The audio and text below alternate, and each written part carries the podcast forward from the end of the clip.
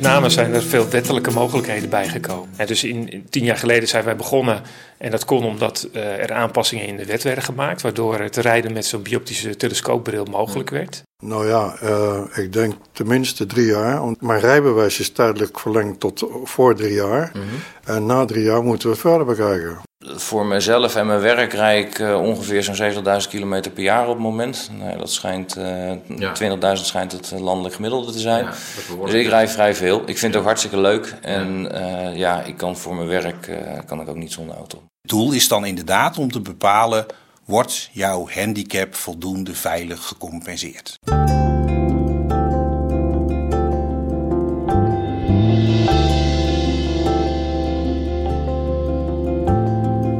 Deze tweede in en al oogpodcast van de Oogvereniging gaat het over slechtziendheid en autorijden.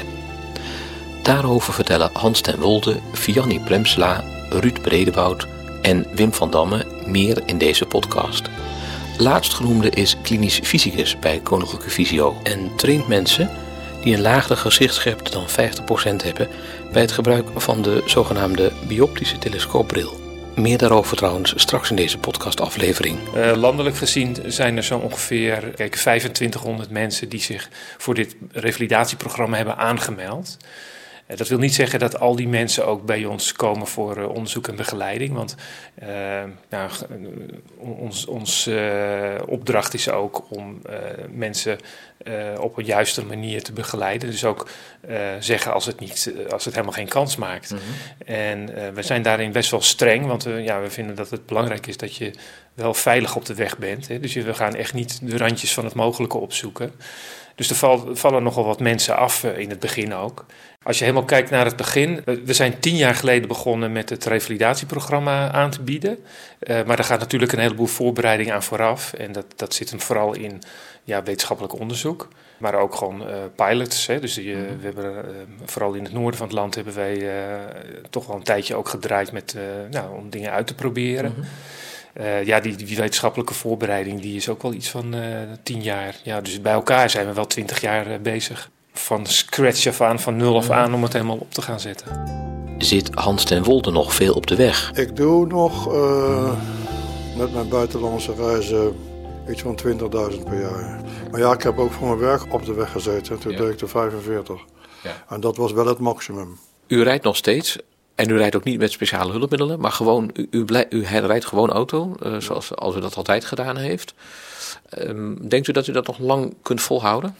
Nou ja, uh, ik denk tenminste drie jaar. Want mijn rijbewijs is tijdelijk verlengd tot voor drie jaar. Mm -hmm. En na drie jaar moeten we verder bekijken. Heeft u uw hele leven lang auto gereden?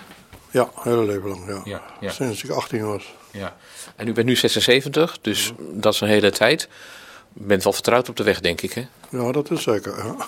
ja, ja, ja. Alleen het verkeer is wel toegenomen, denk ik, in al die jaren. Ja, dat is, dat is, ook, dat is ook, ook waar. Voor, voor, voornamelijk ook de snellere fietsers en, en uh, bronfietsers in de stad. Ja. Nu heeft u ook een visuele beperking. Wat heeft u? Glaucoom. Er is een nieuwe lensje geplaatst aan mijn rechterkant. En een drain. En dat is verkeerd gegaan. Dus ik heb uh, rechts een visie van 15 procent. En links een visie van iets van uh, 60 of zoiets. U rijdt nog steeds auto? Ja, ik rijd nog steeds auto, elke dag. Rijdt u uh, in een aangepaste auto of met een speciale bril of gewoon met de bril die ik zie dat u op heeft? Nee, mijn, mijn, mijn, uh, mijn gewone bril aan de standaardauto. Voor ons op tafel ligt een dikke dossiermap. Dat is het uh, dossier uh, om een uh, rijbewijs te verkrijgen. Vianney Premsla. Uiteindelijk heb ik twee rechtszaken met CBR gehad in de basis om een rijbewijs te halen. En nou ja, dit dossier is daar ja, de basis. Ja, het is een, een, een gele ordner. dik dossier. Waarom was dat nodig? Ik heb aangeboren oogafwijking, een nystagmus. Een CBR die uh, heeft uh, nou ja, een aantal eisen met betrekking tot rijgeschiktheid uh, en je visus. Daar zit ik net aan, uiteindelijk. En de manier waarop zij de metingen verrichten, het lezen van lettertjes op een bepaalde afstand, is juist mijn, uh, mijn zwakke punt. Ja. Dan zou je misschien denken van, nou ja, uh, ja, jammer dan. Jij voldoet niet aan de eisen van het CBR. Ja, daar moeten we allemaal aan voldoen, helaas. Dat zeker niet. Ik uh, wilde autorijden alvorens ik wist uh, dat er überhaupt een rijbewijs nodig was. En waarschijnlijk ook alvorens ik wist hoe ik het woord auto überhaupt moest schrijven. Dus autorijden, dat uh, moest en zou gebeuren. En ook met het oog op mijn werk ja, kan ik eigenlijk nu niet zonder auto. We moeten misschien toch nog eens even hebben over jouw oogaandoening. Want je hebt nystagmus. Er zijn wel meer mensen die nystagmus hebben aan hun ogen. Als ze een oogaandoening hebben. Dat wordt ook wel in de volksmond wiebelogen genoemd. Meestal hebben ze dan nog iets meer. Maar hoe zit het bij jou? Uh, heb je heel weinig restvisus? Of kan je niet scherp zien of geen diepte? Hoe zit dat? Ja, dat is inderdaad het bijzondere. Ik heb uh, alleen nystagmus, zonder verdere uh, complicaties uh, of andere aandoeningen erbij. Ja. dat maakte het ook lastig, omdat er weinig over bekend is, zowel bij de oogartsen dan wel bij het CBR. Ja. En zeker dat laatste was inderdaad een probleem met het behalen van mijn rijbewijs. Het is aangeboren, het is gelukkig wel wat verbeterd tot mhm. ongeveer inderdaad mijn achttiende. Ik merk er zelf gelukkig heel weinig van. Maar jij kon gewoon met een, uh, met een gerust hart zeggen van... ja, maar ik kan wel autorijden, want van die nystagmus heb ik eigenlijk voor wat het autorijden betreft niet zoveel last. Klopt, ik ben begonnen met het uh, nemen van rijlessen en uh, toen heb ik nog niks gezegd tegen mijn rijinstructeur. Ja. Uh, eigenlijk heb ik het een beetje afgedaan met een smoesje dat ik wat zenuwachtig was, waardoor ik wat trillende ogen had. Ja, ja, Bewust om inderdaad te kijken wat zijn mening is ten opzichte van mijn verkeersgedrag. En ja, later heb ik me inderdaad verteld dat het een oogafwijking is. -huh. hij heeft inderdaad ook verklaard dat er nauwelijks tot geen verschil merkbaar is ten opzichte van een reguliere leerling. En uiteindelijk heeft hij ook in de rechtbank uh, is hij getuige geweest. Ja. Je ging eerst naar het CPR en je hebt eerst om tafel gezeten om erover te praten van ja, maar kijk, het, het zou wel kunnen. De eerste gedeelte ging op papier. Toen zijn ze eigenlijk al vrij stellig, althans ze hebben eigenlijk vrij stellig gereageerd van uh, we weigeren eigen verklaring. Uh Vervolgens hebben we een bezwaarprocedure ingediend, nog een bezwaarprocedure. Nou, daar gaven ze eigenlijk geen gehoor aan. Uh, uiteindelijk hebben we een hoorzitting gehad bij het CBR. Daar kwam eigenlijk ook niks uit. En vervolgens ja. hebben we het inderdaad de gang naar de rechter. Uh, ja. Ik heb mijn rijbewijs toen voor vijf jaar gekregen. Dat is uh, inmiddels verlopen. En afgelopen jaar hebben we nog een kort geding gehad over de verlenging van mijn rijbewijs. Want ja. ik wilde ook van die vijf jaar termijn af. Is dat gelukt, dat laatste? Ja, dat is uiteindelijk gelukt. het CBR heeft geen grond om, om een rijbewijs beperkt nee. te verlengen. Nee omdat ik op papier nu voldoe aan uh, alles wat ze uh, als, ja. als eisen stellen. Ja. Met andere woorden, de rechter gaf het CBR ongelijk. En wat was het argument, het doorslaggevende argument voor de rechter om het CBR ongelijk te geven? Ik heb een aantal uh, rapporten moeten aanleveren van oogartsen waarin zowel de visusbepalingen staan, maar ook een aantal beschrijvingen van mijn afwijking. Gelukkig heb ik na heel lang zoeken een aantal artsen gevonden die daaraan wilden meewerken en uitgebreide rapporten daarvoor kunnen verkrijgen. En op basis daarvan, tezamen met ja, de feiten die er lagen, hebben, heeft de rechter uiteindelijk besloten om het CBR in het ongelijk te stellen. 1 en al O. Hans ten Wolde blijft autorijden zolang als hij dat kan. Maar houdt hij er ook rekening mee dat daar wel eens een einde aan zou kunnen komen? Ja, als ik bijvoorbeeld een situatie zou tegenkomen zoals mijn vader dat heeft gehad. Dat hij bijna iemand uh, aanreed op de fiets. Dat hij zegt van nou, ik zag, ik zag die mens helemaal niet. Dus als, dan, dan zeg ik van oh, dat zijn situaties waarvan ik denk dat moet niet kunnen. Ja. Dan zet ik mijn auto ook aan de kant. Ja, ik rijd wel goed, maar ja, het, het, is het zien, hè. Daar kan je weinig aan veranderen. Dat ligt uh, aan de situatie of aan, aan, de, aan, de, aan de lichtintensiteit uh, ja. enzovoort. Ja. De dode hoek, als ik niet meer mobiel zou zijn in de stad, is dat niet erg. Maar als ik naar het buitenland zou willen, naar mijn huis, dan uh, is het een probleem. Hoe gaat het verder in zijn werk wanneer mensen zich bij Visio aanmelden als ze hun rijbewijs willen halen of behouden? Wim van Dam. Cliënten die melden zich bij ons aan en die vullen uh, een deel van onze website uh, gereserveerd om alvast wat gegevens vooruit te kunnen krijgen. Dat zijn dezelfde gegevens die mensen in een later stadium ook aan het CBR zouden moeten doorgeven. Is voor ons van belang omdat wij uh, eigenlijk alleen maar uh, willen gaan werken met mensen die uh, verder geen grote medische problematieken hebben. En dus je mag best, laten we zeggen, een been missen, maar dat mag niet het belangrijkste zijn. Hè? Dus het visuele aspect moet het belangrijkste zijn. En dat moeten we dus van tevoren weten, want anders ga je met iemand aan de slag. Dan ga je eh, voor niks trainen. Als, als later blijkt dat, dat zo'n persoon eh, met dat ene been eh, niet de auto in mag. Dus een beetje zonde van, van alle moeite die je daarin steekt. Dus dat is stap 1. Wij doen bij al die mensen een, wat we noemen een visueel functieonderzoek. En dan wordt dus de gezichtsscherpte gemeten, het gezichtsveld wordt gemeten, eventueel een, een brilaanpassing wordt gecontroleerd. Maar we kijken ook naar het diepte zien of eventueel kleuren zien, contrast zien. Dat zijn allemaal aspecten van het zien die we in kaart brengen. Nou, als daaruit blijkt dat mensen uh, geschikt zijn of, of voldoen aan de, aan, de wettelijke uh, eisen dan gaan we kijken of een uh, bioptische telescoop of dat werkt bij die mensen.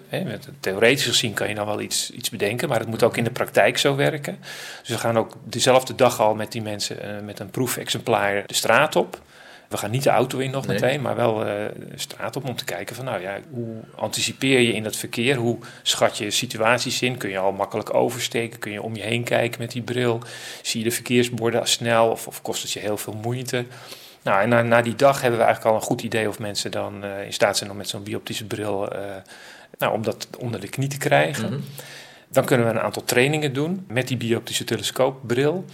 En die zijn erop gericht om uh, op de juiste manier door die bril te kijken. Je moet je voorstellen, zo'n bioptische telescoopbril is, is eigenlijk niet veel meer dan een, zo'n telescoop die we... Die, een kijkertje op je bril, hè? Ja, het is een kijkertje op je bril, maar het, het, het, het uh, speciale zit hem in de plaatsing. Ja. Want dat ding zit boven in je bril. Ja. Dus normaal als je in, in de auto zit, kijk je gewoon door het grondglas van je bril. Ja. Daar zou je het meeste uh, moeten kunnen zien. Ja. En alleen als je de details nodig hebt, bijvoorbeeld wat staat er precies op zo'n bord, bijvoorbeeld een tekst onder ja. een bord of een, een plaatsnamenbord, dan moet je dat telescoop uh, inzetten. Daarvoor moet je een klein knikbeweging maken met je hoofd, zodat je door dat kijkertje erbovenin kunt, uh, kunt kijken. En de truc is dat je niet te lang, niet te kort, niet te snel en niet te langzaam door zo'n kijkertje kijkt. Ja, maar het gaat vooral om het kijkpatroon, het kijkritme met dat kijkertje. Heel veel mensen knijpen bijvoorbeeld in het begin een oog, één oog dicht om dan door het kijkertje ja, te kunnen ja. kijken. Ja, dat moet je juist niet doen. Dus dat ja. moet je ook afleren. Nou, die training kun je in, uh, in vijf sessies meestal wel uh, onder de knie krijgen. Mm -hmm. En daar beginnen we meestal uh, zeg maar binnen bij ons met het aanbieden van en dan, dan, projecteren we een aantal verkeerssituaties of verkeersborden of plaatsnaamborden op de muur. Mm -hmm. En dan kun je dus zeg maar binnen oefenen met het uh, kijkritme. Ja. Dan gaan we de volgende keer naar buiten en dan uh, doen we hetzelfde op de straat. En uiteindelijk gaan we ook in een auto waarbij de, de cliënt zeg maar op de passagiersstoel zit. En de therapeut zit dan achter. En we hebben dan nog een derde persoon, die is dan de chauffeur. En dan wordt er van tevoren besproken parcours wordt dan afgelegd. Nou, dan kan je dus als passagier al oefenen met een bepaalde snelheid ook om dat uh, ja. kijkritme toe te passen. Ja. En als dat dan allemaal naar wens verloopt, dan kan iemand echt rijlessen gaan nemen en dan ook op de ja. chauffeurstoel plaatsnemen. Jullie sturen iemand pas naar het CBR als aan al die voorwaarden voldaan is, als, als, als dat allemaal goed gegaan is. Het is niet zo dat, dat jullie iemand sturen van nou, ik weet het nog niet helemaal precies. Nee, het is echt, uh, wij moeten er helemaal achter staan. En de cliënt zelf moet er natuurlijk ook ja. helemaal achter staan. Ja. Maar goed, we gaan er even vanuit dat de cliënt, ja. die wil het ook. En die het heeft gebleken dat hij dat ook, ook kan. Dan mag hij verder. Ja, maar je kunt dus ook afvallen. Dat kan. Dus het kan ook zijn dat de training, ja, dat het na vijf keer... De, de meeste mensen die, die krijgen het onder de knie na vijf keer. En een enkeling, ja, dan zit je na vijf keer, uh, ja, dan is de progressie toch nog wel erg weinig. Ja. En dan moet je in gesprek gaan, zo van, uh, gaan we er nog wel mee door? Ja. Zijn er ook mensen die zelf die conclusie trekken?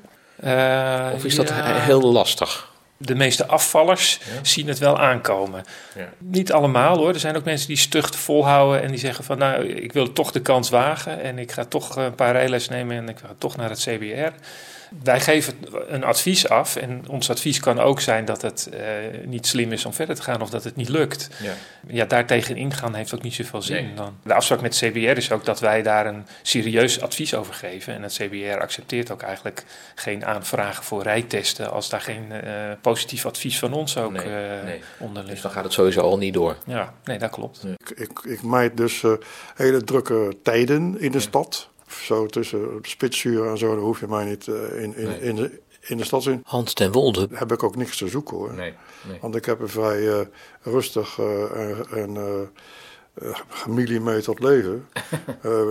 met de hond thuis en, enzovoort. Ja. Ja. ja. Maar nee, ik, nee. Ik, als ik in Nederland ben, dan, dan gaat alles goed. Ja. Nou is het zo dat uh, wat ik al zei aan het begin van het gesprekje, u rijdt nog steeds auto, maar eigenlijk gewoon nog met uw gewone bril, mm -hmm. uh, zonder hulpmiddelen. Je kunt natuurlijk ook met, met bepaalde hulpmiddelen rijden, hè? bijvoorbeeld met een telescoopbril of dat soort dingen.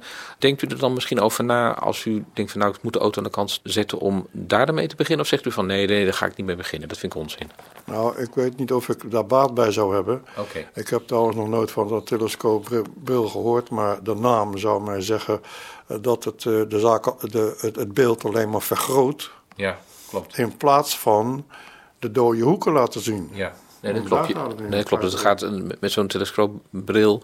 Dan wordt geleerd eh, om onderweg op, eh, op borden te kijken. Dat, daar is die voor. Er zit een klein kijkertje op de bril. En dat is ook niet constant natuurlijk. Hè. Dat, is, maar dat is alleen maar als je het nodig hebt. Dus verder kijk je gewoon ja, recht vooruit, zeg maar. Oh, Oké, ja, ik heb er nog nooit van gehoord. Maar, Nee. ja, Ja. Misschien is het wel wat. Ja, ja, misschien wel. Maar u zegt ook van, maar het gaat mij bijvoorbeeld om de dode hoeken. Ja, inderdaad. Dat is het, dat is het hele eiereten. Ja. Een en al oog. En deze keer gaat het over autorijden en slechtziendheid. Nou, de afgelopen jaren hebben we gezien dat er meer ruimte gekomen is. Er was vroeger een bepaalde manier, de uh, vorm van slechtziende, meteen een reden om afgekeurd te worden. Daar is nu een stukje ruimte gekomen. Ja, mijn naam is Ruud Bredewoud. Ik ben uh, hoofd van de afdeling medische zaken. Bij het CBR hebben wij een hele hoop artsen rondlopen die uh, oordelen vormen over medische geschiktheid voor het rijden. En uh, voor die artsen ben ik uh, eindverantwoordelijk. En ik ben ook verantwoordelijk voor het beleid, dus de contacten met het uh, ministerie en Europa. Die ruimte zit hem bij het CBR in het uitvoeren van die rijtesten die wij hebben. De rijtest op de openbare weg met een deskundige van ons, die dan kijkt in hoeverre uh, de handicap gecompenseerd wordt en er toch veilig en verantwoord gereden wordt. En dat is ook onze rol dus wanneer het gaat om onder andere visuele beperkingen, zowel in de kader van slecht zien, scherp zien, maar ook mensen met uh, zoals glaucoom. Dat uh, uiteindelijk die mensen zich na eventuele training zich bij ons kunnen melden om dan de finale rijtest te ondergaan en dan het ja of het nee te krijgen. En het doel is dan inderdaad om te bepalen, wordt jouw handicap voldoende veilig gecompenseerd? Ja, en hoe bepaal je dat? Nou, onze deskundigen hebben daar dus een bepaald protocol voor. Dat is per rijtest verschillend. Een rijtest is ook geen rijexamen, dat is een eenheidsproduct. Maar elke rijtest is naar heel veel ervaring en heel veel nadenken precies geënt op de problemen die je verwacht bij een, uh, bij een persoon. Kan je wat slechter scherp zien, zullen elementen als op de borden rijden erbij komen. Heb je wat meer last van je gezichtsvelden, dan zeker plaats op de weg in smallere straatjes zal dan een belangrijk element van de rijtest zijn. En met elkaar bouwt zich dan bij de deskundigen een idee op over, nou deze persoon lost al zijn visuele problemen veilig op en dan mag je door. Die mensen zijn deskundig op het gebied van, van rijtesten. Okay. Dus ze kijken ook echt anders. Je mag ook kleine foutjes die niet echt het, het verkeer in gevaar brengen maken. Je handen hoeven niet precies op kwart voor twee op het stuur. Hmm. Maar ze kijken wel of het veilig en verantwoord is. Ja, het is hun expertise. Zij zijn er al die jaren uh, in opgeleid. Wij uh, laten ook dit soort ritten door een selecte groep doen. Dus uh, met name met de mensen die slecht zien en een telescoopje gebruiken. Dat zijn lang niet alle deskundigen die dat doen. Die moeten de ervaringen opbouwen. Ja. Zijn er wel eens mensen die het daar niet mee eens zijn met zo'n oordeel, die bijvoorbeeld niet mogen rijden, maar van zichzelf wel vinden dat ze wel kunnen rijden? Jazeker, natuurlijk zijn die er. En te, ten eerste heb je altijd de mogelijkheid om uh, binnen je procedure, bijna altijd is het mogelijk om nog een tweede rijtest aan te vragen. Gaat die ook niet goed, ja, dan heb je nog rechtsmiddelen. Je kunt bezwaar maken, uiteindelijk zelfs naar een rechter gaan. Je kunt nog een keer een rijtest of een herbeoordeling door een oogarts aanvragen. Maar uiteindelijk zal het finale oordeel, wordt over het algemeen in Nederland, uh, ook door de rechter, als valide geaccepteerd. Ik denk dat het ook wel goed is om te melden dat, kijk, ons revalidatieprogramma uh, heeft mogelijkheden voor mensen om weer te gaan autorijden. Maar het autorijden is niet het belangrijkste doel waar we naar streven. Wim van Damme van Visio. Vaak van onze cliënten wel, want die willen weer gaan autorijden. Maar vaak is de vraag ook, ik wil van A naar B kunnen komen, want... En dan komt er een reden. Ik moet daar voor mijn werk zijn. Ja. Of mijn ouders wonen daar. Of mijn, mijn broer woont daar. Ik wil die uh -huh. vaak bezoeken. Of ik wil ja. boodschappen doen. Of... Dat zijn vragen die hoef je niet per se met een auto op te lossen. Een auto is niet altijd de beste oplossing. En we gaan ook vaak in gesprek met mensen om daarachter te komen of dat wel de juiste weg is waar we naartoe willen gaan. Want ik vertelde net ook al, dat je moet best een, een lang traject volgen. Ja. Er zitten ook kosten aan verbonden. Ja. Ik vind dat je dan eerlijk moet zijn aan het begin van uh, is dit wel de juiste weg? Ja. De mensen moeten het wel van tevoren weten. Dat zijn niet altijd makkelijke gesprekken. Nee, dat klopt. Nee, want er zit achter het autorijden zit echt wel wat emotie. Kijk, als je niet meer mag autorijden en je hoort dat steeds maar weer terug dat er toch iets van je wordt ontnomen. Mhm. Een stukje vrijheid wordt ontnomen. En mobiliteit is in, in, Ja. in ieder geval in Nederland is dat best belangrijk. Dus als dat weggaat, dan, dan, ja, dan, dan kan ik me best voorstellen dat mensen daar eh, heel veel problemen mee hebben. Maar goed, je zei al van, we kijken ook van of er andere mogelijkheden zijn. Ja, dat klopt. Nou, in Nederland is het zo dat het, het autorijden is eh, nou ja, best wel streng gereguleerd. Hè. Er zijn allemaal wettelijke eisen voor. Trouwens, dat geldt voor heel Europa zo. Er zijn ook wel eh, nou ja, ook regelingen met, eh, met het rijexamen en met eh, rijtesten en rijlessen en dergelijke. Kijk je naar de eisen die worden gesteld aan het autorijden, dan is dat allemaal duidelijk opgeschreven. Maar bijvoorbeeld voor zoiets als een, een brommobiel hè, of, een, of een auto, 45 kilometer auto. Ja. daar bestaan in de wet eigenlijk helemaal geen, eh, geen restricties voor of, of eisen voor. Dus ook niet aan de medische rijgeschiktheid, zoals dat mooi heet. Hoeveel mensen rijden er in Nederland eigenlijk rond met een bioptische telescoopbril? U hoort opnieuw Ruud Bredewoud van het CBR. En wij hadden verwacht dat dat veel grotere aantallen zouden zijn.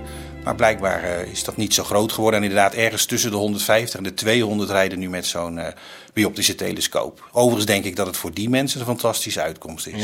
De regels zijn ook een beetje verruimd. Hè? Ik begrijp, mensen mo- mochten vroeger alleen maar bijvoorbeeld rijden van zonsopgang tot zonsondergang. Maar dat is ook veranderd. Nou, daar zijn we mee bezig te veranderen. We hebben in eerste instantie natuurlijk de veilige weg gekozen. Ja. We hadden geen flauw idee hoe mensen s'nachts zouden rijden met zo'n telescoopje. Maar intussen heeft eh, Visio eh, daar ook uitgebreid onderzoek naar gedaan. En wat blijkt, dat een klein deel van de mensen toch de handigheid kan leren om ook in het donker met al die lampen eh, veilig te kunnen rijden. Wij moeten dus iets in gaan richten en dat zal wel tegen het einde van dit jaar zijn dat dat klaar is. Dat die mensen dan in de schemer tegen het donker aan ook nog een rijtest kunnen afleggen om te laten zien dat ze dat veilig kunnen. De minister heeft besloten dat het doorgaat. Alleen het CBR moet het nog wel even organiseren. Dus we zijn routes aan het uitzoeken waar het voldoende donker is om het een, een, een valide test te laten zijn. En die routes worden nu door onze mensen eh, gereden. En dan zullen we nog iets moeten organiseren dat ja, in avonduren de, de oproepplaats eh, open is. Want normaal sluit hij om een uur of vijf. Dus Ja. we hebben nog wel iets te organiseren. Ja. Je krijgt het voor vijf jaar. En dan herbeoordelen we het. Als alles ge- gelijk gebleven is, dan is dat ook voldoende om het weer eh, te verlengen voor vijf jaar. Nou, dat is het aparte Ook vergeleken met andere aandoeningen. De mensen zijn heel gemotiveerd. Eh, daar zit natuurlijk wel, geef ik eerlijk toe, een heel selectietraject van visio aan vooraf. Dus heel veel mensen die het niet goed kunnen of niet snappen of heel moeizaam kunnen leren, die zien wij helemaal niet. Maar van de mensen die zich uiteindelijk met een certificaat van visio dat ze het mogen gaan proberen, zich bij ons melden, daar slaagt eigenlijk iedereen van. Het is, het gaat allemaal heel gladjes. Ja, ik denk dat die mensen zullen dan ook wel super gemotiveerd zijn, want het is een lang traject. Daar ben ik absoluut van overtuigd. Je ziet gewoon op andere gebieden, en zeker bijvoorbeeld bij gezonde mensen met rijexamens, zie je gewoon echt heel veel slechtere slagingspercentages. Mensen zijn hier gemotiveerd, willen ook heel graag die mogelijkheid krijgen. En ze worden ons ook niet aangeboden, terwijl ze er eigenlijk nog een hele hoop zouden moeten leren. Ze kunnen het intussen gewoon goed. Ooit was bij iemand in de auto gezeten met zo'n bril. Ja, ik ben wel eens meegereden met zo'n rijtest in het begin, toen we ze net deden, om daar ook eh, eens een keertje mee te maken. En dat, eh, ja, als iemand dat goed doet, dan gaat de regel op dat als je je ogen dicht doet, dan merk je het verschil niet. Iemand rijdt gewoon en dat gaat goed en veilig en rustig en zonder gekke dingen. Je ziet eigenlijk geen verschil met iemand die wel gewoon twee ogen heeft die goed zien. Als laatste hoorde u Ruud Bredewoud van het CBR, het Centraal Bureau Rijvaardigheidsbewijzen. En verder hoorde u in deze podcast ook nog de stemmen van Wim van Damme, Hans ten Wolde en Vianney Bremsela. Dit was Eén en al oog. Productie voor de oogvereniging Carlijn de Winter en Martijn Vet. Samenstelling, interview en montage, Krit Wilshuis, tekst en zicht audio. Graag tot de volgende keer.